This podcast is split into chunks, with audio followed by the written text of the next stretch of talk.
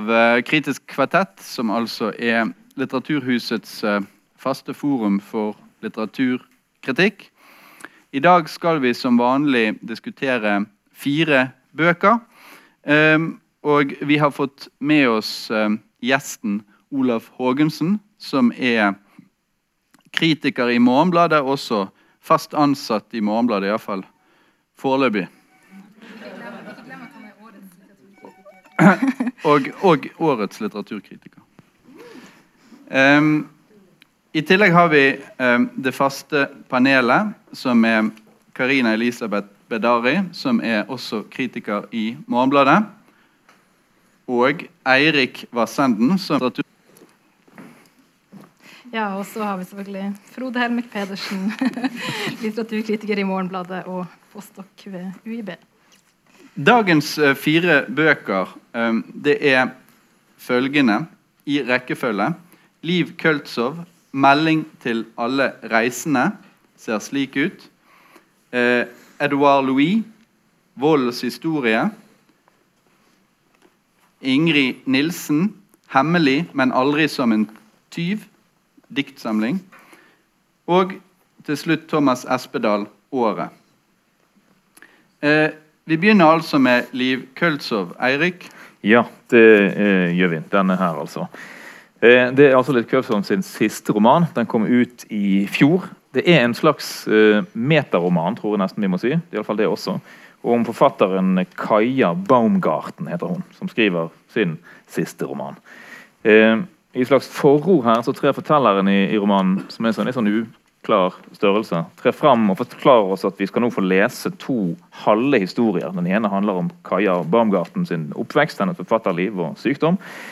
Og da den degenerative eh, nevrologiske sykdommen som hun får diagnostisert, Parkinsons sykdom. Den andre halvdelen av romanen er en kjærlighetshistorie mellom Kaja og eh, en kar som heter Vegard Vinsnes, som hun treffer på et kursted.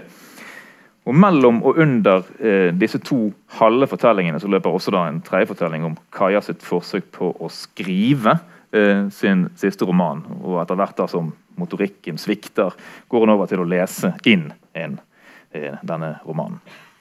Eh, jeg tror jeg må si at Vurderingen min av romanen, eh, denne romanen er også todelt. De første 100, 100 sidene cirka, historien om, om, om Kaja da, fra hun kalles inn til legen og får en bekreftelse på det som hun da har gått og fryktet og kjent symptomene på. At hun er rammet av Parkinson sin sykdom. En langsom eh, variant. Eh, da. Her ligger det eh, for meg en, en, en, en, viktig og dypt eksistensiell tematikk. Altså Hva skjer med et menneske når du får en sånn beskjed, når du får vite at det herfra og ut er rammet av en akselererende kognitiv degenerering. Altså at hodet og kroppen langsomt slutter å virke. Hva skjer med en forfatter når hun får beskjed om at tankene, hukommelsen, evnen til å resonnere endres, forstyrres, og etter hvert også kroppen og til sist språket kommer til å forsvinne. I hendene til en forfatter som Liv Kølsov, som da i sine noveller og romaner har, har besittet en ganske uvanlig språklig finmotorikk, noe som kritikerne pleier å trekke fram i hennes tilfelle, så venter man kanskje at vi skal komme tett innpå en sånn menneskelig, kunstnerisk selvransakelse, en undersøkelse av tapserfaringen og sorgreaksjoner av noe slag. Og det, eh, det skjer i denne første delen. av Eh, vi får følge Kaja sine forsøk på å formulere en ny levemåte gjennom seks år. Og I en episodisk, nokså springende stil får vi noen innblikk i hvordan hun forsøker å leve med sykdommen. hvordan sykdommen og ulike medisiner kaster hun da fra sinnstilstand til sinnstilstand. Hvordan hele sosiale livet hennes omkalfatres, og hvordan hun forsøker å fortsette å skrive. da, til tross for at det blir vanskeligere. Eh, den andre delen av romanen, som er den lengste, får vi en en, en, fortelling i forlengelsen, en, men også en annen fortelling. Da, altså, eh, der hun møter denne Vegard Vinsnes, en breial, erketypisk antihelt. Han ble beskrevet som en slags cowboy. Eh, han er det motsatte av alle disse kulturmennene som Kaja har omgitt seg med i sitt forfatterliv. Eh, det motsatte av hennes ektemann. Eh, og ikke minst er han da en typisk litterær skikkelse. Hun skriver et sted at, eller forteller et sted at, at hun hun, hun, fascineres av denne skikkelsen fordi han må ha en interessant historie. Noe som hun kan tilføre sitt eget liv og sitt eget verk. også. Eh, etter hvert så inngår de da til et forhold som da er preget av en ganske kompleks avhengighetslogikk. Han skal fortsette å ha sin frihet, han fortsetter å ha andre damer, mens hun på sin side da blir gradvis sykere og etter hvert også delvis ufør. Men likevel så er hun da et fullt menneske med uredusert, ja til og med forhøyet evne til å elske. Han er blakk og kynisk, hun har penger. Eh, Parallelt med dette, så, dette forholdet ruller og går, så skriver han om forholdet. Han finner det hun skriver om det, og blir rasende. Og så uh, skjer dette flere ganger. Da. Det er en slags type livsstilsbrudd som, uh, forbundet med dette som minner litt om det Vigdis Hjorth gjorde i sin roman 'Hjulskift'. Han tar altså dragningen mot en slags forbudt overskridelse av noen sosiale grenser. Scene etter scene her viser hvordan uh, forfatter Kaja forkaster fornuften og følger begjæret inn i livet og inn i litteraturen sin. da kompisene til han Vegard bryter inn i kunstnerlivet til Kaja og, og, og, får frem en hel del komikk, en del sånne underlige scener her. Og Her ligger det en del intensitet, bl.a. i, dag i at Kaja ser ut til å overta dette vulgære cowboyspråket til eh, denne Vegard-typen. Hun, begynner å skrive og tenke, eh, snakke annerledes. Eh, dessverre så eh, tenker jeg nok også at den episodiske og etter hvert litt sånn oppjagete fremstillingen av denne intensiteten ikke helt klarer å overføres i eller formidles i romanskriften til Kølsov. her, fordi at uh, Mens det styres på noe verre med alskens greier på handlingsnivå, så, så, kjører romanen seg etter hvert inn på et spor der vi skjønner at det nå går mot slutten, og at dette kjærlighetsforholdet da skal, skal gå over. Og det gjør det. Vinsnes dør av hjertesvikt, og fortellingen er, er slutta. Spoiler alert. Ja, ja, ja helt klart. Eh, det må sies at det er vanskelig å ikke lese dette som en en form for biografisk fortelling. Kølsov selv har vært helt åpen om eh, hvordan det er å leve og skrive med Parkinsons sykdom. Hun har også tatt med denne opplysningen i et så kort eh, etterord her. Eh, og Det er litt vanskelig derfor da, å vite hvordan man skal lese dette aspektet ved, ved, denne romanen. Er det en beretning om eller en beretning fra et forfatterliv som får et nytt og annet innhold? Et forfatterskap som får en ny og annen form. Jeg er litt usikker her. Uh, og det finnes flere måter å lese, lese dette på. Altså, uh, jeg får ikke helt til å synes at det er en god roman. Men på den andre siden, andre siden så nekter også Kølsov tydeligvis her nesten demonstrativt å skrive en, en, en god eh, så, så si, tradisjonell, eh, eh, tragisk, stoisk sykdomshistorie som den som på en måte annonseres litt i første halvdel av, av boken. her. Da. Eh, så det, det, det, er noe åpenbart i at Jeg kan spørre om en ting. Ja. Forutsetter du at hun er forelsket i Anne Vegard Vinsnes? For du sa jo forhøyet evne til å elske, men mener da seksuelt? ja, ja du... seksuelt og begjærlig og det hele tatt. Altså, dette, dette, er en slags altoppslukende ja. kjærlighet. Og, Ja, jeg er ikke sikker på at det er kjærlighet. Forteller romanen, forteller romanen. romanen sier også helt eksplisitt at uh, medisinen hun går på, gir henne uh, forhøyet sexlyst. Ja, det Så det er et en, uh, det er, Jeg må si at jeg syns du altså Den del to syns jeg egentlig var veldig flott, flott gjort som en sykdomsfortelling de har ofte en sånn tendens til å lukke seg om seg selv og bli eh, ganske eh, ensporede, mange av de jeg har lest. Og ofte også eh, ja, De kan tendere mot å bli det sentimentale eller det altfor litt sånn eh, for alvorstungen, Jeg synes det, Mye av det som var bra med dette, er at hun plasserer denne sykdommen som da går over lang tid, nettopp midt i livet. da. Mm. At det er en sykdom som uh, utspiller seg liksom, i alt ståket og spetakkelet. Som Eh, hun pusser opp, hun skiller seg, hun flyr fram og tilbake på ferier. Og hun har denne her veldig sånn, intense uh, relasjonen, eller eh, forholdet med Vegard Vinsnes. Jeg synes det var veldig det var en roman full eller andre, det var full av full energi og en slags type eh, glede som jeg synes er modig å ta inn i en eh, sykdomsfortelling. da. Og så synes jeg også det er verdt å trekke fram, da. Du nevnte heller ikke hvor gammel hun var. Hun er jo 25 midten av 60-årene. Og mm. Vegard Vinsnes er ti år yngre. da.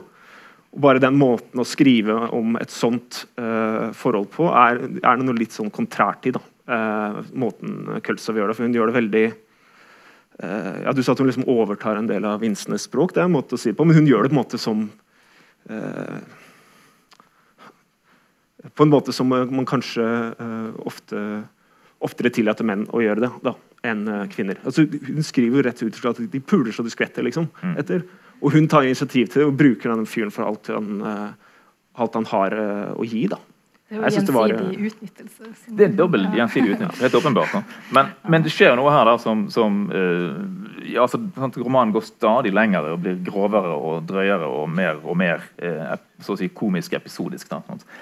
Samtidig som det skjer, så går også så å si, romankomposisjonen gradvis i oppløsning. Da. Altså den, de, disse episodene som vi snakker om, de, de, de, blir flere og flere og mer og mer uoversiktlige ja, sammenheng Altså. Ja, du mener at den er for pratsom Nei, eller for, for syns, ordrik mot slutten? Jeg syns romanen går i oppløsning etter hvert. Men er ikke det bare at formen liksom speiler det at hun sjøl tillater seg å miste kontroll? da? Eh. Jo, det er, det, som er, det er den ene måten å lese det på. Ja. Det, det det. Jeg tror jeg leser det sånn. men, men, eh, hva syns du, Karina? Uh, likte først, du Ja, jeg likte det veldig godt. Og først må jeg si at jeg syns det er rart at ingen er liksom snakke litt mer om Liv Kølso, for jeg har aldri lest henne før. i Det hele tatt. Eh, det er den første romanen første jeg leser av henne. Eh, og jeg har nok hatt en del eh, skammelige fordommer. Sett henne som en sånn 70-talls ganske progur og kvinnens Altså, jeg er jo for det, men jeg tenkte at det var, var mye mer enkelt skrevet. Jeg visste ikke at hun var så inspirert av modernismen og Virginia Woolf og sånn type Mm. Ja, ting som jeg har skjønt nå, da. Eh, så det er jo en, et stort bevis for at uh, hele denne kvinnelitteraturmerkelappen uh, er totalt idiotisk. For man bare hører om det og setter det folk i samme bås uh, og egentlig skriver det helt vesensforskjellig. Mm. Ja, så jeg tar egentlig selvkritikk for det. men jeg liker den ja, be mye bedre enn Eirik gjør. Jeg syns det var noe befriende med det utrolig uvørende og det eksplisitt seksuelle i den, og den som du også sa, det, uh, en kvinne som tillater seg å utnytte mann på en måte som er ja.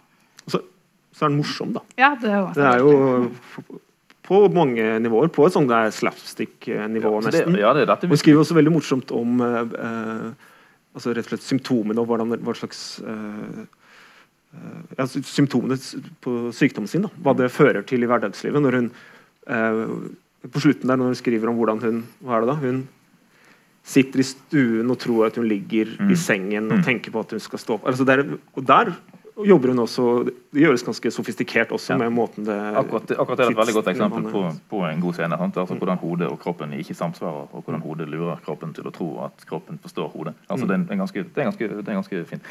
Men men altså, den, der, eh, den historien om disse to elskende som, som, er en slags uavklart Du, du insisterer på å si elskende. Vi sier ikke Kjærester, da. Eh, ja, syns dere den funker? Syns dere den funker?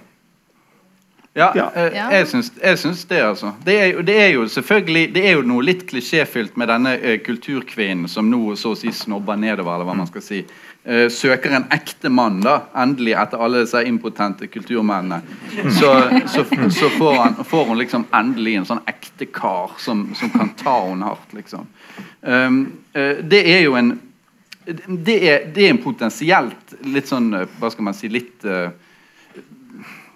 problematisk, litt problematisk tematikk, kanskje. Men det jeg syns hun får veldig godt frem, det er jo den der løssluppenheten som kommer med sykdommen. Det der at altså syk, uh, Thomas Mann i sin berømte bok 'Trolldomsfjellet' beskriver jo sykdommen som en slags ferietilstand. Ferie fra livet.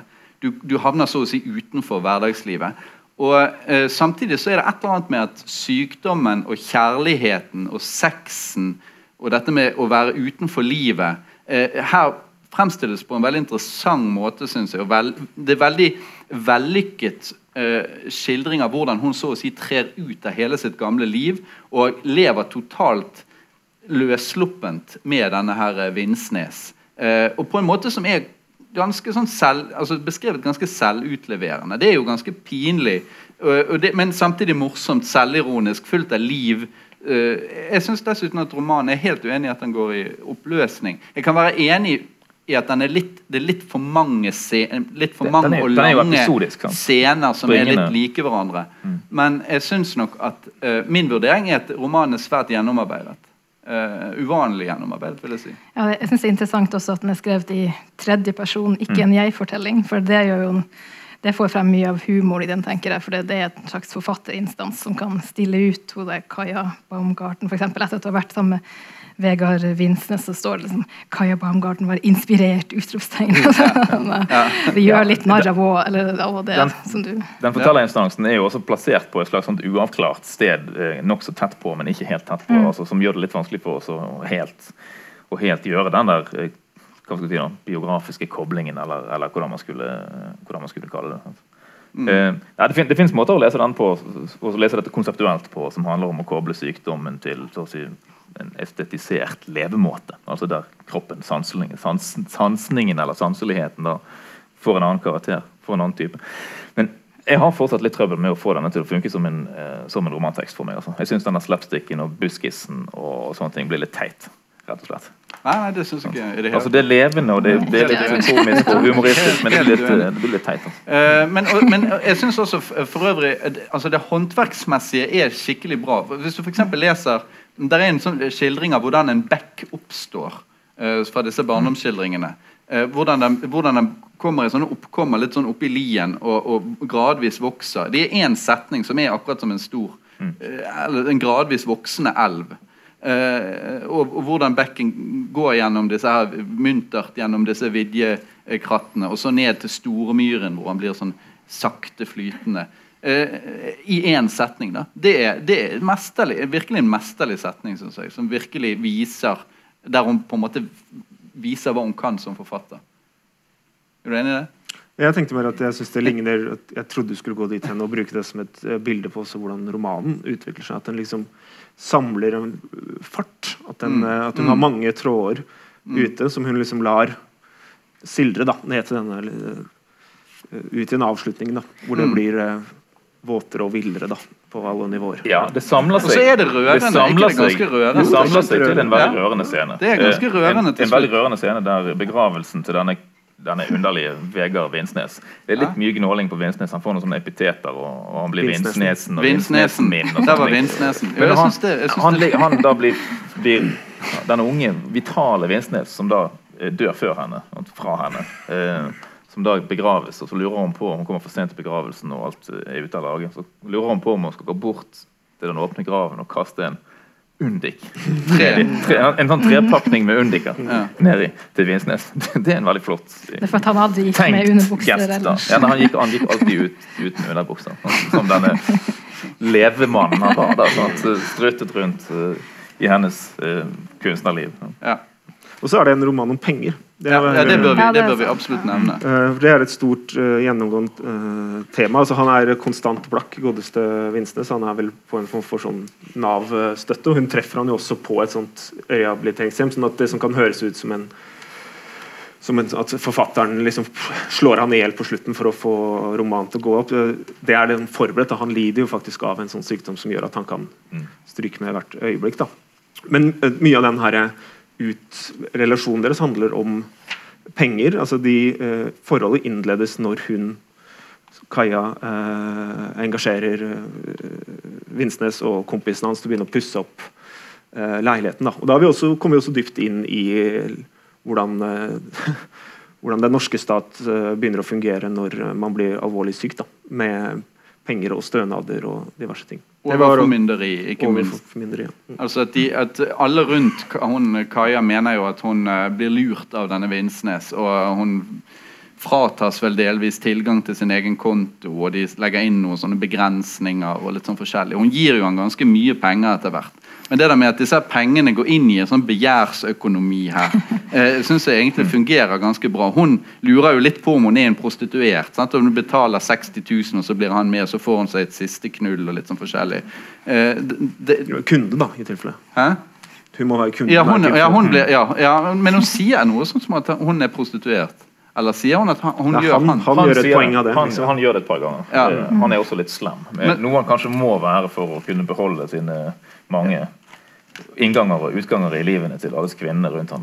Men, men, eh, men, Men, men men hun, er jo, hun er jo moren hans. Han kaller jo henne for mor si hele tiden. Og det er jo, synes jeg var litt morsomt. At uh, det, er- det er ganske mange forskjellige temaer her som hun, som hun får inn.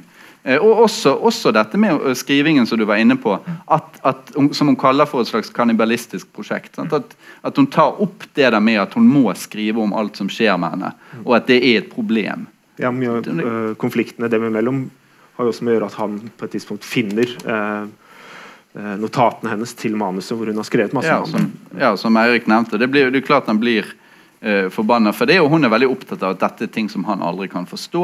Og Det kommer jo også klart frem at det, det, er, ikke, det, det er ikke noe sånn lykkelig. det er ikke noe sånn du kaller de elskende, det er jo litt sånn tvilsomt. sant? Men det, det, er ikke noe sånn at 'endelig har jeg funnet en ekte mann', og nå Sånn burde det ha vært i livet mitt. Nei, hun er, jo helt... hun er jo ikke spesielt trist når han dør. sånn sett. Altså, det, jo vel, det er hun nok. Ja, det knust. Jo, det tror jeg hun er, men, men det er iallfall helt klart at dette kunne, ikke, dette kunne, ikke, ha fungert. Som, som et kjærlighetsforhold. Og det fungerer ikke, men det fungerer innenfor rammen av denne, denne penger- og begjærsutvekslingen uh, som, de, som de driver på med. Da, og jeg mener at vi kan godt kalle de elskende, for det, det fins ja, noe under her også, da. Ikke under, under transaksjonene.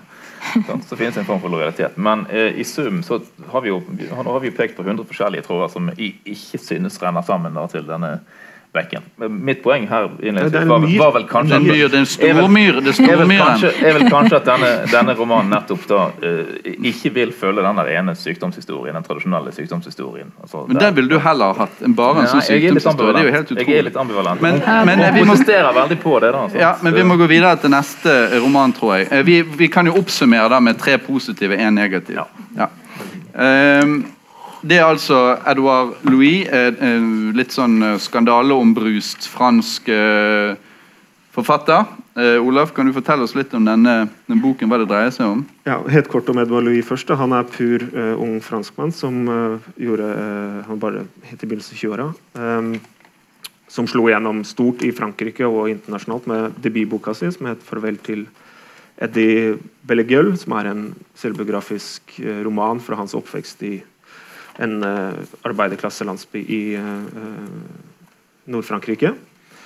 Uh, og han ble, Denne boka kom på fransk i, nå på begynnelsen av året og er nettopp oversatt til norsk. Og En del kan kanskje også fått med seg at Edvard Louis var i et sånt basketak med Kjartan Fløgstad her på, ja, i Morgenbladet. Uh, om nettopp hans skildring av uh, arbeiderklasse og, og uh, sin egen familie og sånne ting. Men denne nye uh, romanen, 'Voldens historie', den har en ganske enkel uh, grunnfortelling som lar seg opp, uh, oppsummere på følgende måte. Det er at Louis har flytta til Paris. Og en natt til 25.12. så er han på vei hjem fra julefeiring med to kamerater. på vei hjem til leiligheten sin. Han treffer en mann som heter Reda som han inviterer med seg opp i leiligheten, og de har eh, sex. Og, og idet Reda skal gå, så oppdager eh, Louis at han har prøvd å stjele mobiltelefonen hans og iPaden hans. forskjellige ting. Påpeker dette, og så eskalerer situasjonen eh, til det punktet at Reda uh, rett og slett voldtar Edvard Louis og eh, truer ham på livet. Kveler ham med et skjerf og truer ham med et, en pistol. da. Det er liksom grunnfortellingen. Men fortellerposisjonen, måten dette er fortalt på, uh, er ganske spesiell. da, fordi Fortellersituasjonen er lagt ett år etter disse uh, hendelsene. Og da har Louis han har reist ut på landet for å besøke søstera si for å liksom hvile, hvile ut. Og han har da fortalt hva som skjedde seg til søsteren sin for et år siden. Og i romanens fortellersituasjon så befinner han seg bak en dør idet ektemannen til søstera kommer inn, og søsteren begynner å fortelle den historien som Louis har fortalt til henne, til sin ektemann. Og så står eh, Edouard bak døra og lytter på å få sin egen fortelling gjenfortalt av søsteren. Samtidig som han, eh, han lar liksom søsterens ord glir litt sammen med sine. Han er inne og korrigerer og kommenterer det søsteren eh, forteller. Da. Og Det gir han også muligheten til å eh, bryte opp kronologien i dette hendelsesforløpet. Da. Det er et viktig kompositorisk poeng at den ikke er fortalt, historien er ikke fortalt rett fram på den måten som jeg gjorde nå i begynnelsen, men at han, han har liksom tatt eh, de eh, forskjellige elementene i historien, kasta de om på de, sånn at får han liksom holdt, holdt, de opp og studerte de på mange forskjellige måter. Både med sitt eget blikk, med blikket til søsteren og med, ofte da med blikket til en del av de personene som eh, som han treffer på. Da. Han er f.eks. på politistasjonen for å anmelde dette. Han er, går til legevakta for å ta noe sånn eh, forebyggende aids-medisin og sånne ting. Eh, det synes jeg gjør det til en veldig Det gjør at han får at det er langt, noe mer, langt mer enn bare en sånn traumatisk overleverfortelling. det her. Da. De, han får alltid tatt inn mange flere perspektiver enn det rent psykologisk eller det opplevelsen av uh, vold. da. Um, Scenen hos politiet er for et uh, godt eksempel, hvor, hvor uh, Louis opplever da, at, den, at han ikke kan fortelle sin fortelling til politiet på den måten som, som han vil, eller som han ikke kan gjøre noe på noen annen måte, for han er oppskaket og ja, traumatisert. Da. De trenger én bestemt sånn Så skjedde det, så skjedde det, så skjedde det type fortelling. mens og de har også sine en sånn raster for å analysere fortellingene. Da. De er for veldig opptatt av at han er denne Reda er eh, det de kaller araber. Da. Så han får tatt inn mange, mange forskjellige perspektiver på denne voldshendelsen, som langt overskrider det rent psykologiske og beveger seg ut i det ja, langt inn i, det, i en politisk ramme og en mer sånn generell sosialramme. Da. Jeg syns det gjør det til en veldig veldig rik eh, og interessant eh, og leseverdig roman. Er det, ja, det, det Men, men, men du, du, du, er samtidig helt klar på at det er en såkalt selvfiksjon? Eh, ja, han, såkalt virkelighetslitteratur? Ja. ja. Dette har skjedd? Ja. Eller det er litt der store, han, Louis sier, forteller det, sier det selv i, i uh, intervjuer og lignende. Og jeg har ikke noe Nei. Jeg har ingen grunn til å tvile på at Så dette er selv, eh, selvopplevd fra A til Å? Antagelig. Ja, Du må spørre Louis om det. Ja, ja, ja. Jeg, jeg noe... Men det er sånn det, det, det legges opp til? Ja, det det det legges opp til. Så er det, jeg tror at Hvis man skal sette på rep, så er det en roman som kanskje stiller spørsmål om hva det vil si å uh, eie sin egen fortelling. da, mm. Fortellingen om seg selv og sitt liv. Ja, og Det er jo nettopp, det kommer jo veldig godt frem akkurat eh, både i avhørene eh, med helsepersonell, med politi, og ikke minst da via søsterens fremstilling. Som er egentlig, selv om han selvfølgelig er sympatisk innstilt til, eh, til sin bror, så er det hele tiden fullt av ganske mye agg mot hvordan han er, og hvordan han er blitt etter at han uh, flyttet til uh, Paris og ble intellektuell. Sånn at Det er spekket med sånne stikk som er veldig sårende for Edward der han står bak døren. Hva syns du eh, om boken, Karina? Jeg er helt enig med alt eh, Olaf har sagt. Jeg synes Det er en, eh, ja, det er nettopp en jeg-fortelling som faktisk klarer å være en slags polyfon roman likevel, da, ved at såpass mange forskjellige stemmer kommer frem, og at man ikke alltid Det er ikke sånn at alt Louis fremstiller seg sjøl som er godt i forhold til søstera, f.eks. Han innrømmer at han driver og sender henne, har nesten ingen kontakt med henne, men sender henne postkort. liksom Klem fra Barcelona, klem fra Roma.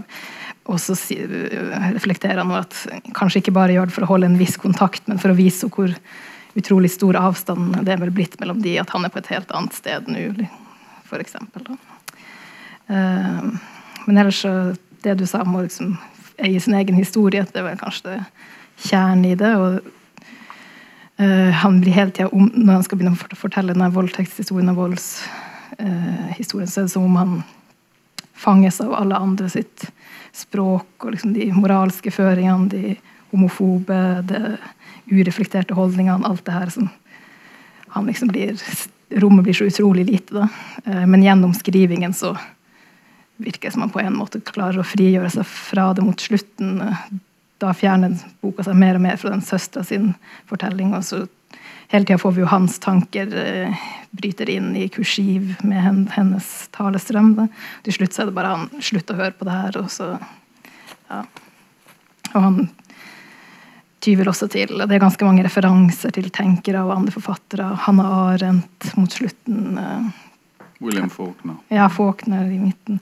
Eh, men med Arendt så er det det at Eh, jeg tror det er evnen til å lyge og evnen til å handle en slags beslektet At det er en slags beslektet, beslektede fenomener. da. Og når han kan, vender seg vekk fra denne historien, så slipper han faktisk fri fra den også. Mm. Ja. Lettere på slutten, da? Er du sikker på det? Jeg er litt usikker på om jeg har deler av akkurat den opplevelsen. Okay. Men det er jo um, Det er jo noe her ved at han altså, han er grunnleggende ufri.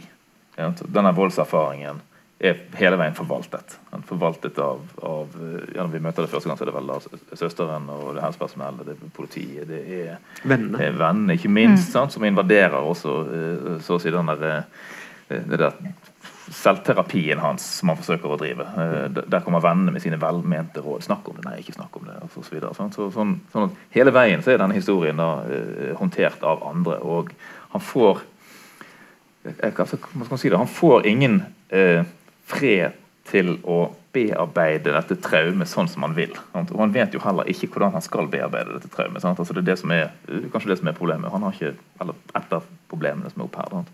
Han får ikke anledning til å ikke vite hvordan dette traumet skal forvaltes av han sjøl. Rett og slett fordi at det er så stort forvaltningsapparat uh, rundt han, han som, som, forvalter denne erfaringen, og dermed projiserer han tilbake igjen på han hele tiden i nye versjoner.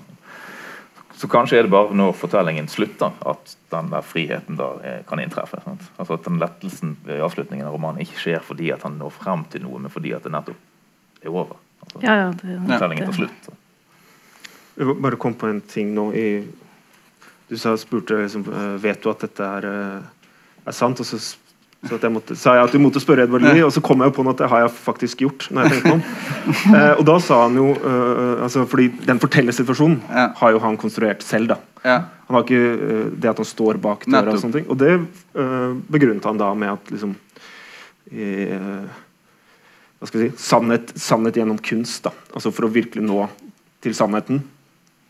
Hans begrep om sannhet, da, som i dette tilfellet da vil være nettopp dette hvordan f.eks. For en eh, fortelling forvaltes av andre, og du ikke liksom får uh, ha den i fred, så trengte han et så sofistikert uh, eller avansert liksom, fortellerteknisk apparatur. da. Ja, ja, ok. Jeg, jeg, jeg, skulle, jeg, skulle, til å nevne at det, det, akkurat det grepet der, med at han står bak døren og lytter til en utrolig lang fortelling mm. som søsteren uh, da gir til beste overfor sin eh, ektemann, det fremstår jo ikke som, som, så veldig sannsynlig, men ikke desto mindre som det virkelig store litterære grepet her. Det, min innvending eh, mot romanen er, vil være to ting. Det første er at, at jeg, jeg syns nok, i motsetning til deg, at den er litt begrenset rundt denne voldserfaringen. Altså at, for meg er det litt klaustrofobisk. Altså det, den er litt eh, i, i, litt for stor grad uh, lukker seg om denne voldserfaringen. Uh, til at jeg liker han veldig godt. Jeg, jeg skjønner jo at det er det han, han, det han vil gjøre, og sånn, men det der med at han åpner en sånn himmel av perspektiver, helt, det, det, var ikke helt min erfaring. Uh, han kretser rundt voldserfaring, naturlig nok. Uh, men det andre innvendingen vil være at han ikke tilstrekkelig grad synes jeg følger opp det litterære grepet med søsteren. Altså Jeg venter meg at det er et eller annet form for etterspill, eller at han på en eller annen slags måte får søsterens fortelling om voldtekten til å bli en dialog mellom de to om til, deres forhold til hverandre på en eller annen slags måte. Jeg synes det, her syns jeg romanen går mer i oppløsningen i, i Køltsovs uh, tilfelle. At, at, det er et eller annet med at for, for meg så er de siste, for de siste 20 sidene av denne romanen uh, skjeder livskiten av meg. Da, da, har det vært interessant og intenst frem til det. Og så er det akkurat som han, han lar tingene falle. Og Det syns jeg faktisk er litt for slapt. Jeg syns absolutt at han har lagt opp eh, en, ikke minst gjennom denne fortellersituasjonen, lagt opp til en avslutning som kunne vært mye mye bedre. Det er nok et poeng at uh, altså denne, den uviljen til å la andre fortelle hans egen historie til han, uh, den, den speiles jo igjen i, i, i, romanens form på alle mulige nivåer. Altså det er en det er en uvilje til å ta historier for god fisk her. Eh, eller uvilje mot å ta historier for, eh, for pålydende. Og, og, og, Det fører også til at romanen da får en slags motvilje mot å fortelle. Mm. Altså Den narrative fremdriften her er hele tiden amputert eller, eller sabotert eller, eller, stoppet opp. da. Det, det, akkurat det som du sier at han er oppleves klaustrofobisk, det, det understrekes jo av at det, det, er noen sånne øyeblikk der han bryter ut av denne erfaringen. F.eks. når han da lar søsteren ikke det søsteren, fortelle om disse barndoms-, Mm. ungdomseventyrene der han og kompisgjengen stikker ut og, og gjør eh, sprell på nattetid. Det, da plutselig så, så, så dukker det opp noe frisk luft i, i, i fortellingen. Men, men de er veldig få, og de er veldig eh, så å si nøye eh, plassert ut. Da. Men, men, men likte, du, slags- likte du boken bedre Den- enn Kultsovs? ja, det, det gjorde jeg. Men den er også veldig anmassende og, og, og, og veldig intens. Uh, men, uh, men jeg har ingen problemer med å se at det det er en tilsiktet ganske- effekt. Altså. Nei, ja, det befatter seg med en ganske intens og Mm. anmassende erfaring òg, da.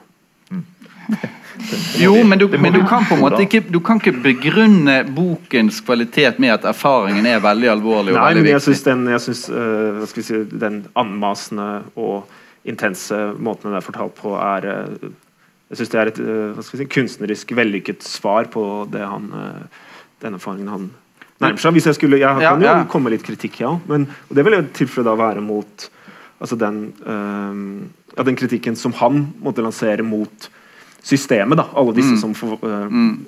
forvalter øh, samt, altså politiet, helse sånn. Den opplever jeg som ganske forutsigbar da, Mm. av en, et sånt ansiktsløst byråkrati. da. Eh, Ja. Men, men syns du han problematiserer det, det, Når det gjelder det der med å, at, at han må, så å si må eie sin egen altså Det blir veldig viktig for han å eie sin egen fortelling. Men det er et eller annet med det at han han problematiserer han um, det å altså Hvis han selv forteller, er det sånn da at han eier sin egen fortelling? Ville ikke det vært uh, bedre hvis han uh, så å si jeg er litt usikker på dette, da, men om, om det, er, det er et eller annet med at det, det mangler en refleksjon i forhold til det at, at han jo ikke bare rett og slett kan fortelle dette selv, og dermed eie fortellingen.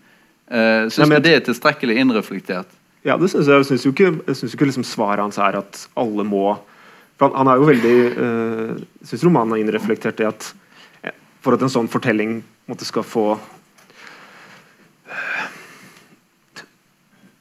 konsekvenser da, Mm. utover seg selv, så må han jo på en måte eh, Så trenger han de andre til Mm. å, og, Han trenger å gå til politiet, han trenger å gå til helsepersonell. Han, måte, han, han trenger å la de få litt eh, del i den, da, og han er heller ikke komfortabel med å bare ha den helt for seg selv. Det vi opplever ikke at romanen presenterer det som en slags eh, løsning eller optimal situasjon. Jeg syns eh, ikke den gir noe klare Nei, men Hvis du sammenligner med, sammenligner med det som, den refleksjonen som du finner hos Kultsov, nemlig at det er problematisk å bruke og så å si som forfatter å snylte på sitt eget liv.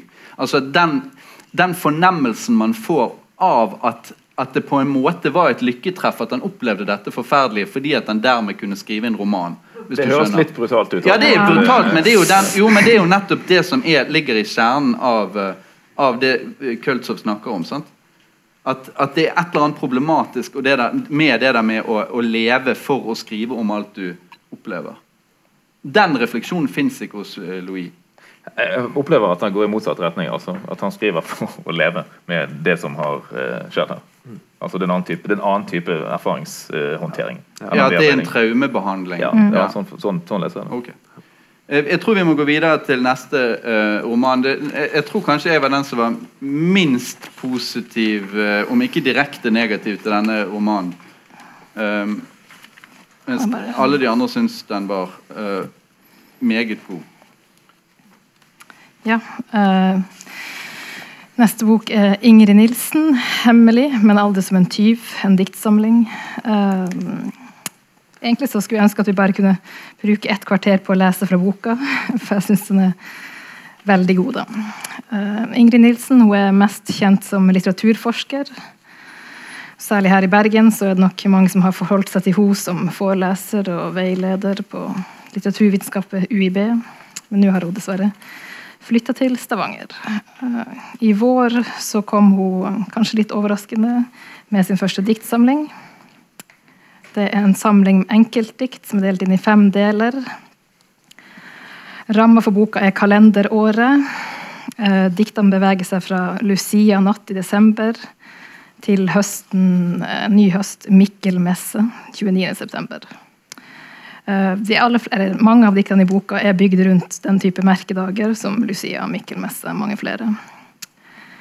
De har en ganske ja, si, rik og variert stil. Det er liksom ikke én type poesi man finner her. Det er veldig mye formaninger, henvendelser, utrop, spørsmål, drømmevarsler, ritualer, landskapet, stemninger. Um, felles for diktene kan man kanskje si at de beskriver møtet mellom diktet sine erfaringer og tradisjonen. Ikke bare den litterære tradisjonen, da, men den kulturelle tradisjonen i form av de her eh, merkedagene og gamle, glemte tradisjoner som hører til dem, og historiske hendelser som også blir innreflektert i diktene. Um, de er prega både av uro og av en slags metafysisk dragning. Uh, et ønske og en tro på noe kommende, et slags etterliv. Uh, de strekker seg hele tida mot å sette menneske, sin situasjon og sitt blikk, dikteren sitt eget blikk, inn i en større ramme. Som det heter i ett dikt, så her hører du vinden i trærne, som om det allerede ikke er du som hører den. En av avdelingene skiller seg ut fra de andre ved å ikke beskrive noen merkedager eller tradisjoner, eh, men en erfaring der diktet holder på å dø. Det er en slags svangerskapskomplikasjoner som har gitt en dramatisk fødsel som skildres. Eh, diktet jeg blir innlagt på Haukeland. Hun får en, blir vel kanskje operert, hun får i hvert fall morfin. Eh, du forstår at det er en veldig rystende hendelse, men både mor og barn overlever.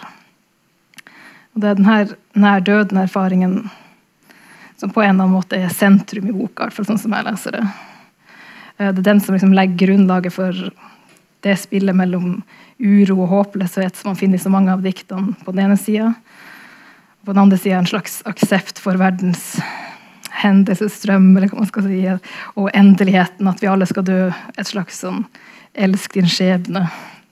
Eh, det kan man godt si finnes mange av diktene. Eh, ja, Avdelinga består nemlig av to dikt. Eh, et av dem beskriver denne morfinerfaringen og overlevelsen. Og det andre heter, som innleder bolken, 'Du vil ikke skrive dette diktet'. Dette er diktet jeg sin oppfordring til seg sjøl om at hun må skrive om denne erfaringen for på den måten å holde den akutte situasjonen åpen. Og den liksom, inderligheten og den opp, spesielle oppmerksomheten som blir tilgjengelig for henne i den utsatte og akutte erfaringen. Ja, boka har fått veldig god mottagelse. Bare positivt, egentlig. Uh, og diktene er jo gode fordi de formelt sett er så ja, tydelige og solide. Rytmisk god, veldig bra brillebruk. Det er liksom ikke så mye å ta Ingrid Nilsen på der. Eh, men en annen og viktigere ting for når jeg leste den, i hvert fall, var at eh, de tilbyr en ganske sånn sjelden beskrivelse av stemninger og en slags sjelden beskrivelse av det å være til stede i verden på. Eh, kanskje en måte å være forsont med uro og utsatthet. Med livet sånn som det blir, og døden som kommer. Selv om de Samtidig så har de, innreflerer de også at ingenting er avklart. Ja, Det er egentlig det vi må begynne med å si. Veldig rote, men ja. Ja, Olaf, hva sier du? Ja.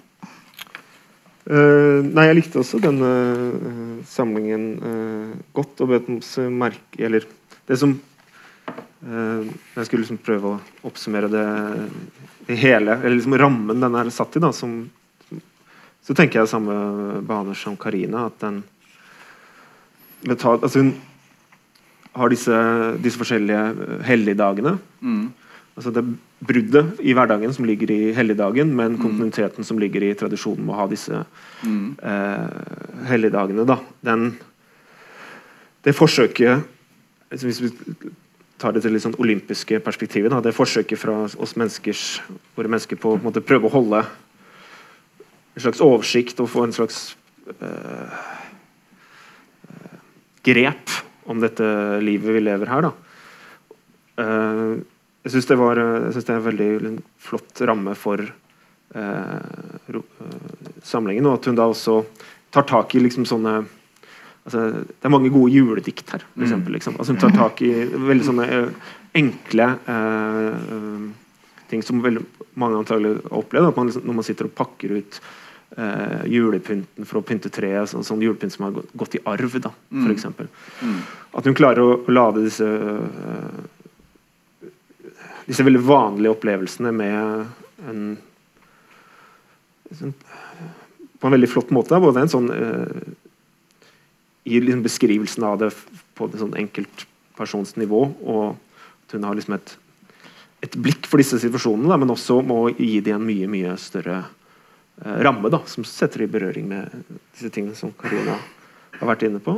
Um, og så syns jeg det er noen sånne ordentlig flotte sånne så klassisk gode dikt. da, F.eks. det her er om eh, Hun har en som heter 'Sankthanssang'. da, Mm. med Et flott flott dikt om en sankthanskveld da, når man brenner bål og ungene løper rundt og man spiller fotball. og Det er små, sånn klassisk flott dikt. Også dette her er flott, veldig fine diktet om uh, disse fuglene på himmelen. Det er uh,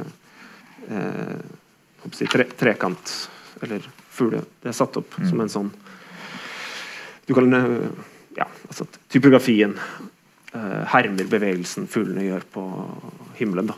Um, som ikke er, det, er ikke, det er ikke revolusjonerende, det, men det er veldig veldig veldig Ja. solid da, på alle nivåer. Da. bruker veldig mange forskjellige virkemidler, for å si det sånn. Ja, men jeg, jeg, og jeg er enig i det du sier om at hun på en måte øyeblikket det, Hun åpner en sånn historisk Mm. dybde i øyeblikket som viser da tradisjonens eh, rolle egentlig i, i livet sånn som det har vært levd.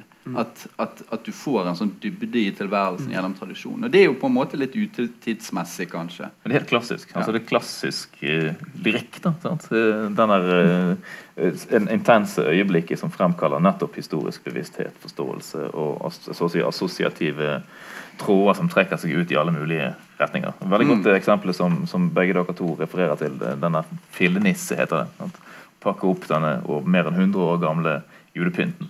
Og så, og så er det som har vært pakket opp da én gang hvert år i over 100 år. Og så, eh, for den, denne gangen så, så er det en annen assosiasjon som trer fram. Denne gangen så er det da fillenissen eh, eh, eh, eh, en slags holocaust-levning som hun åpner når hun trekker ut av dette. her, sant? Eh, og, og, og, Det er jo flere steder det er liksom sånne type, det er sånne type ting som trekkes frem. altså Ja. Mørke ting. Eller Ja, og det er ritualene som, Ja. sant, repetitive i ritualene som likevel bare skjer akkurat ved bestemte høytidsanledninger, og som fremkaller helt nye ting. Nye assosiative eh, linjer da, hver gang. Eh, og det, det, det, gjør hun, det gjør hun systematisk gjennom her. Eh, og så er det de der, de der sykdomsdiktene da, der plutselig så på en måte så kuttes båndene til, til, til det der eh, historiske stoffet, eller mytiske stoffet, eller kulturelle, religiøse tradisjonsstoffet. Og så blir de der øyeblikkene veldig stående og, og, og helt, helt alene. Eh, jeg syns, jeg syns det er sånn sammenheng mellom den bevisstheten hun har om etterliv, liv og det som Ja, men jeg syns, syns altså når, når de fremkalles, de der, Mm. de der glimtene sånt, så de er jo ja, hva skal man si, det er jo hele tiden får vi vite at, eh, at, det, at jeg er så, så medisinert at hun ikke egentlig helt vet hva hun tenker eller gjør. Men, Ja. men så tilstedeværelsen er likevel, kanskje, og kanskje av det, da, eh, Men, men der flyter jo det med, mytiske, mytiske stoffet inn, da, vil jeg mene. For for eksempel i det sjette, de er nummerert med sånne romertall. I denne sjette her lille beskrivelsen fra denne blomsterøya, da er vi jo i et slags sånn mytisk uh, dødsrike, da, eller, Mm. eller limbotilstand. da. Uh, Og det er vel, det er vel ellers ganske klart at det er en fremstilling av et slags annus horribilis her. Altså det, Du har disse merkedagene, og så har du denne ene store begivenheten som er en slags uh, hvor, hun, hvor hun er nærmest ansikt til ansikt med døden, både, både hun og uh, hennes barn, Uh, så vidt jeg kan forstå. Eh, men hvis dere reflekterer litt over tittelen på samlingen 'Hemmelig, men aldri som en tyv', så er jo, så er jo det en, en tittel som reflekterer denne religiøse grunnstemningen som du peker på, eller du kaller for det metafysisk. Eh, og det er jo, Hvem er det som kommer som en tyv om natten? Jo, det er Herrens dag. Eh, med andre ord eh, slutten på timeligheten, eller livet slik vi kjenner det. Eh, mens, eh, og hele denne natten som jo igjen, går igjennom her eh, altså Jeg tenkte på Hölderlin, som jeg, er helt sikker på at eh, Nilsen har lest ganske tett. Eh, så, er jo, så er det jo natten som kommer hemmelig. altså eh, Månen kommer hemmelig med natten.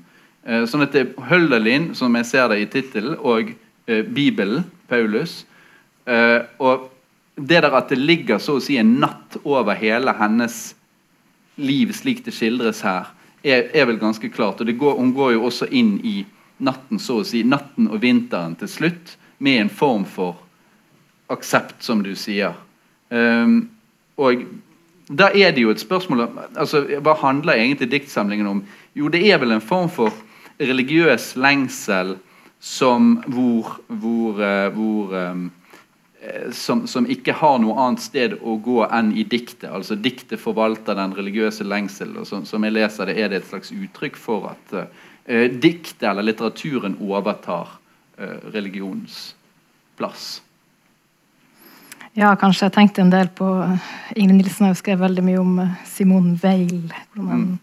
Og hun har jo en del tanker om ja, det å holde erfaringer åpne, at poesien kan gjøre det, og at ja, hun er en jødisk-fransk mystiker, kan man kanskje kalle henne. Um, og hvordan det å være oppmerksom er liksom en måte å nærme seg bønn og være nøytralt oppmerksom og avventende. Jeg tror at uh, mm. Uten at jeg akkurat kan påpeke på det i noe dikt, at det mm. har relevans for denne diktsamlingen. Men vi er enige om at det er en veldig god samling, og at den er så å si eh, intenst litterær. Da. Ekstremt tradisjonsbevisst, ekstremt litterær eh, Hva skal man si eh, fylt av, eh, av uh, den litterære tradisjonen i alle, egentlig alle diktene. Bortsett fra kanskje de som er mest sånn sykehusdikt. Som er mer erfaringsbasert. De er mer erfaringsbasert. Det, det var vel det jeg sa, jeg prøvde å si i sted. Men, men, uh, men uh, men Haagensen her har et, et, et, poeng altså når det gjelder alt, måten, måten, dette mytenivået aldri helt slipper tak i. Altså sånn som, La oss si da eh, tanken om at litteraturen også da alltid er vevd inn i myten. helt Aldri, aldri slipper han. Selv ikke når han er mest, som mest eh, akutt. Og, og, det er noe også noe rundt, Nå har vi vært gjennom det mørke og det, og det dystre her, altså, men det er jo noen aspekter ved denne diktsamlingen som også, altså, som også er eh, altså, den, den, er jo ekstremt fabulerende og, og, og disse drømmediktene altså, åpner, åpner, for oss sånne her eh, bilder som vi ikke ja, De, de fins jo ikke andre steder enn her. Altså, denne tanken om i, blikket utover torget i Stavanger, der juletreselgerne står lille julaften. Og så blir det så å si, metamorfisert metamorfos, Metamorfisert, ja. Forvandlet. eh, til en, eh, til en, eh, en, moseskog, en eventyrskog. En sånn der eh, Forvill deg ikke inn i, i den skogen. Eh, der, der Bytorget i Stavanger gror igjen. og Naturen tar det tilbake igjen da, via juletrærne og julekrybbene og mosene. og alt dette. Jo, det, Hun fører jo hele denne julekrybbetradisjonen mm. tilbake til Frans av Assisi og disse tyske julemarkedene. Jeg tror, jeg tror, rett og slett det er veldig mye å gripe fatt i her hvis vi først skal begynne å analysere, men jeg tror også vi er nødt til å gå videre. Eh, hvis dere ikke har noe imot det. Vi er alle sammen positive til denne diktsamlingen til uh, Nilsen. Ja. ja svært, svært sterkt positive. Eh, den siste romanen vi skal eh, ta opp, eh, om vi skal kalle det for en roman, kan kanskje diskuteres. det er altså Thomas Espedals 'Året'.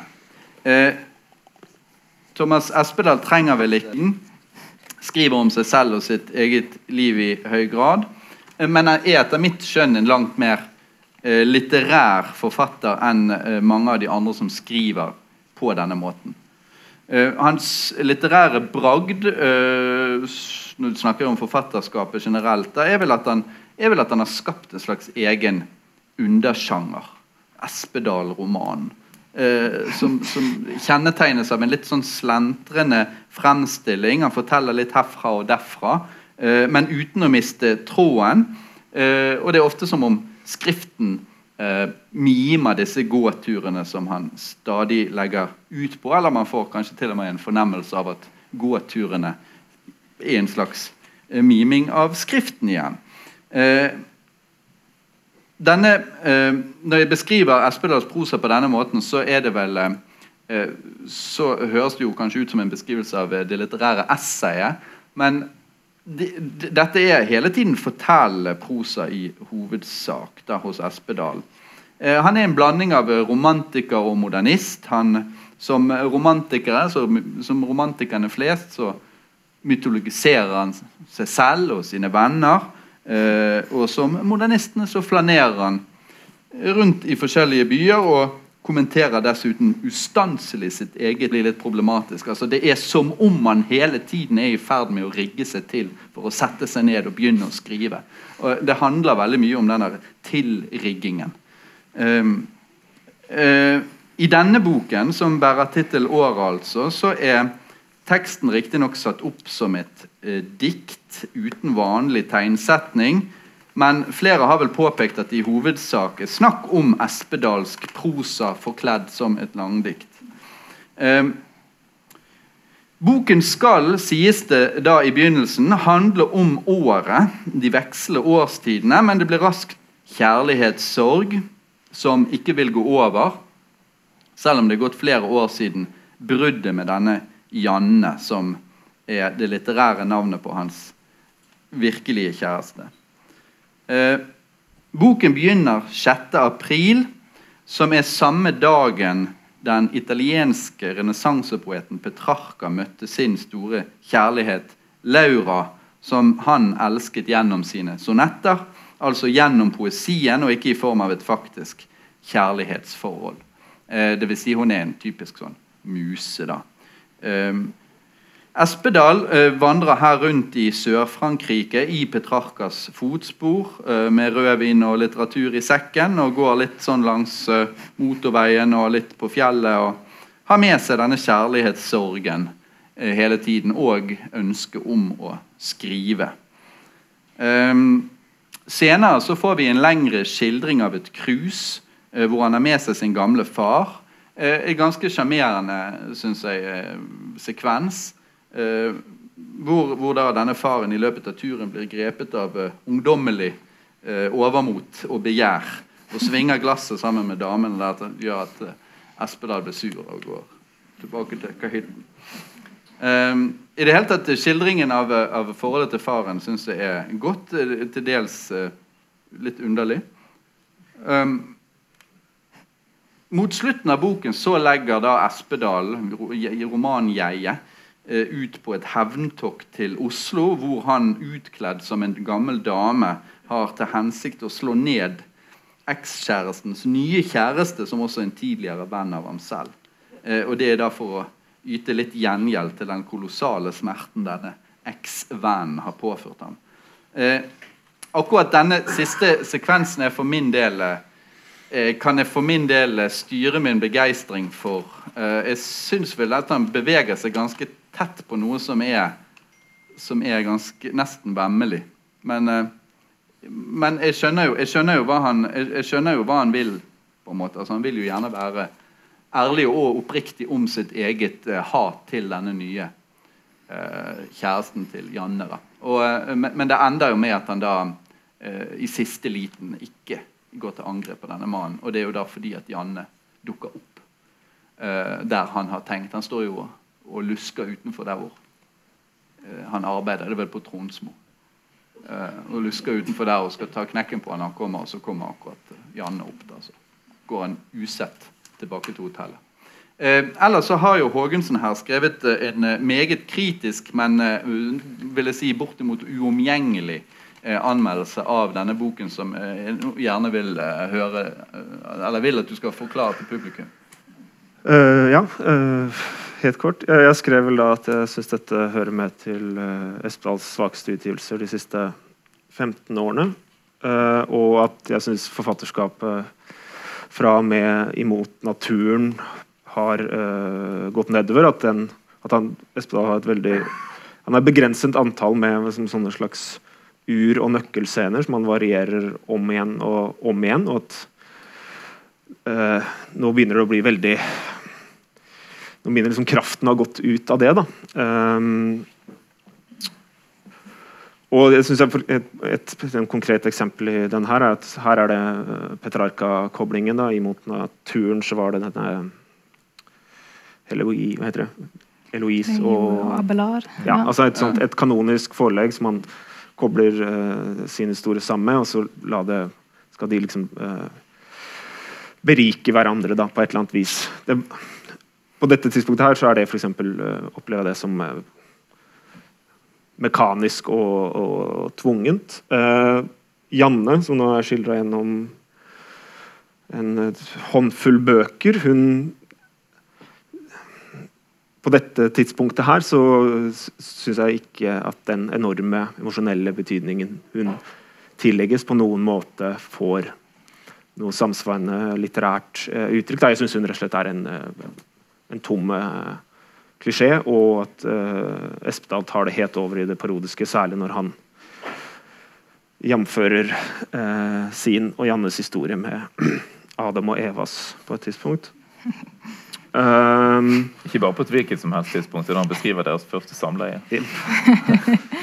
uh, og så syns jeg at uh, altså Espedal har alltid vært best når han har skrevet om uh, familien, syns jeg. og kanskje også særlig når han har skrevet om foreldrene. Den, det er, en, er, det i dagbok, den her fantastiske passasjen, boksepassasjen her. Brev, tror jeg. Brev ja. med faren og bokseklubben mm. og alt sånt. Um, at han liksom han er Noe av hans Du sa at han hadde oppfunnet sin helt egen roman, men uh, Espedal-roman. Men det han også har gjort, er at han har tatt sånn, tradisjonelle sjangre som uh, f.eks. Uh, oppvekstromanen, da, og måte, vridd de til på nye måter, da, mm. synes jeg, med sitt uh, spesielle uh, blikk. da, Men at det er liksom i, i gatene her i Bergen han er best. og og her i denne boka så prøver han seg også noen ganger måte, ute i verden. da, At han prøver å anlegge dette med sånn polit, eller sitt veldig særegne blikk på med, uh, politiske hendelser som foregår rundt omkring nå. Enten det er at han om, leser om Boko Haram i avisa, eller båtflyktninger, eller ser altså afrikanere arbeidende på den uh, franske landsbygda. og da uh, Det syns jeg er helt krise, rett og slett. Uh, fordi, at, det, fordi, at, det rett og slett ikke får noe selvstendig litterært Jeg syns han ikke har noe som helst interessant å se om noe. At han tilslører det med det er ofte veldig sånn romantiserende blikket sitt. Da. Jeg kan jo ta denne her, siden jeg ikke brukte den i anmeldelsen min. Når han går og ser er han ute og går langs veien uh, i Frankrike. Um, skal vi se uh, ja. Jo. Han går langs veien. Mennene hilser når jeg går forbi. Det er en gammel hilsen, fremmed, som når man hilser på en venn eller et spøkelse fra et kjent land eller en annen tid jeg ikke kan la være ja, så, se, Eller en annen tid. Og så, ja, så kommer det jeg skulle til. da. Jeg kan ikke la være å tenke på hvor vakre de er, arbeiderne, afrikanerne, slik alle fattige er vakre. I mine øyne. Jeg ser hvordan de kryper på markene som dyrene. Sau, kyr, geit, hest. Uh, de beiter her nå, nå, antar jeg at han skriver om dyrene. da, De beiter her hvor veien deres Men altså, det er sånne ting som det her, da. Som uh, ja, han har en sånn, sånn uh, revolusjon, revolusjonær romantikk i de andre bøkene, men den er liksom stagga mer, da, fordi den får foregå uten at den faktisk møter uh, konkret virkelighet. da. Ja. Men sånn tror du ikke det, det, det, kan jo være ment som provokasjon, da? At det liksom stiller ut noe en borgerlig Jeg tror ikke det er det, men ja. det, kan det, det, sånn. det, ligner litt på måten denne type elementer opptrer andre steder i romanen også. Altså, det er en slags del av en slags bak bare en bakgrunn. Ja. Altså Noe å hvile øynene på, eller ørene på i det ene tilfellet der han koker kaffe, og så overdøver kaffetrakteren eh, radionyheten om, eh, om Lampedusa eh, osv. Det, det er bare en del av, av, bakgrunnen. Det står i veien for, eller saboterer, eller, eller iallfall interagerer da med det som er hans egentlige prosjekt, nemlig å sette seg ned og skulle gjerne skrive noe om dette eller dette. Altså, og Det er jo en slags på en måte kompromissløs retning rett inn mot kunsten å, skubbe verden til side. Sant? Eh, og så kommer han seg ikke inn til kunsten, for, i, midten, for i hele synsfeltet så står denne tragiske kjærligheten som han ikke blir kvitt eller får has på. Mm. Eh, eh, jeg, så, jeg, deler også denne, den opplevelsen av at dette er litt sånn repetitivt. Og, og klart, nå, her er det jo flere ting som da er repetitivt og, og eh, kanskje til og med demonstrativt eh, legger seg oppå andre prosjekter, altså pastisjeaktig. Altså det, det, har vel vært pekt på at, at parallellene med Knausgård er mange. Også når, når begge to har vært sitt år, året-prosjekt her. Mm. Der, der, der, mye handler igjen da om det samme som det har handlet om før. De nære tingene, kunsten og far, da, som er en slags sånn bak, bakgrunnsskikkelse. Eh, jeg tenkte også på, tenkte også på eh, på eh, Fredrik Nyberg, svenske, franske, svenske poeten, eh, som også har en diktsamling som heter 'Åren', som, som, eh, som, Thomas har skrevet om i, i andre sammenhenger. Og det der Petrarca-greiene har jo vært behandlet flere, av flere andre, bl.a. dansk, dansk poet Pablo Lambias, som ga ut en 400 sider lang sonettesamling om sin egen medisinerte kjærlighetssorg og forsøket på å gå opp på dette fjellet som der på italiensk heter Montelema. som eh, den hvite kjempen i Provence, som Thomas også da går opp på for å ha vært på som eh, Petrarca. Sånn. Så Det er en slags sånn stiløvelse nærmest da, for poeter med eh, noe bak eh, en slags, sånn, sånn, eh, en slags sånn, eh, historisk regressiv eh, identifikasjon. Det synes jeg noe av det som jeg syns er veldig bra her. da, Det, noe, det finnes noen ting som her som er veldig bra. Noen av scenene med far syns jeg er, er, kjempegode. Det er kanskje, jeg, kanskje jeg er for sentimental her, da, men, men, når han beskriver den, han sitter og ser på sin egen far, og, og, og, så, og så føler han et slags sånn sinne eller sorg over at han er i ferd med å bli sin egen fars far. Far blir barnet, han blir faren. Eh, eh det, er noe veldig, veldig fint der. Og så er det et, et igjen, igjen, patetisk, men patos på en måte som virker, syns jeg. Eh, bursdagsselskapet. Far kommer til ham hvert år for å drikke vin og for å spise middag. Eller på bursdagen hans. Det gjør han også innimellom, men der er det en del komplikasjoner eh, eh, i opplegget deres. Men på bursdagen så får de det til. Og så blir bursdagsselskapet hans. da. Eh, de drikker seg full for å gå hjem, og så, og så blir bursdagsselskapet hans et slags, sånt, et, slags fest med alle de døde fra familien hans. Da, da, han, liksom, da har han nådd frem til, til uh, en slags forsoning med at han snart allerede er død. Mm. Det, det, er dypt patetisk ved det, men akkurat dette, dette, dette familieselskapet med de døde syns jeg er veldig fint. Jeg, jeg, jeg, sympatiserer jo med faren hans når han, når han får så jævlig kjeft bare fordi at eh, altså Han liker jo ikke at faren kommer kjørende. Faren bor jo åpenbart nede på Hatleberg, eller noe sånt, så kjører han opp i Øyersveien. Mm. Ganske kort stykke.